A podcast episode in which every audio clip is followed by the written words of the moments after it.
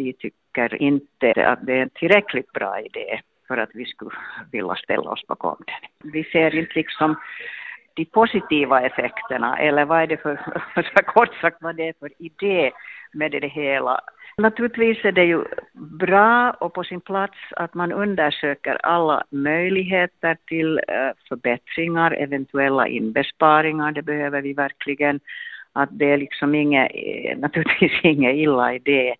Den här har kanske drivits äh, lite för hastigt och lite för ensidigt, tycker jag.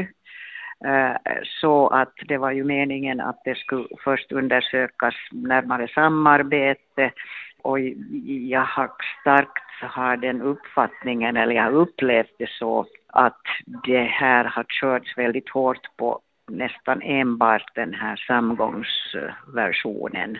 Det har gått lite ensidigt till, tycker jag. Också från Vänsterförbundets sida hörs det kritiska röster till den eventuella sammanslagningen av Ekenäs Energi och Raseborgs Vatten. Harry Yltävä är kraftigt emot en samgång. Både jag själv och Raseborgs Vänster vi är hårt emot det här planen.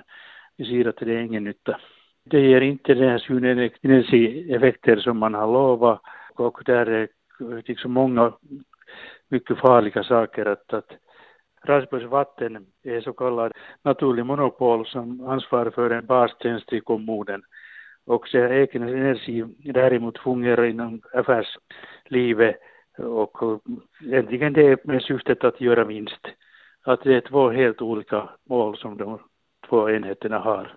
Det får inte bli så att man kan ens tvivla att, att man använder de här samhälleliga pengar för att uh, understöda uh, businessverksamhet. Hur tycker du att den här frågan har skötts? No, man tänker att det skulle vara ett bra förvaltningssätt sätt att agera så man borde ha gjort mera de här jämförelserna och ta, nu har man tagit bara sådana exempel som stöder den här beredningen. Men likaså vi kan, man skulle ta exempel från Jyväskylä då en liknande fusion några år sedan betydde att, att priserna steg med en tredjedel efter att staden sålde det vattenaffärsverket till Jyväskylä Energia och nu lovar man att det blir inga uppsägningar, men i Jyväskylä är det faktiskt just så att, att plus att där kund, kundservice utlokaliserades och så vidare och så vidare. Så du tycker att den här beredningen har varit lite partisk? Precis.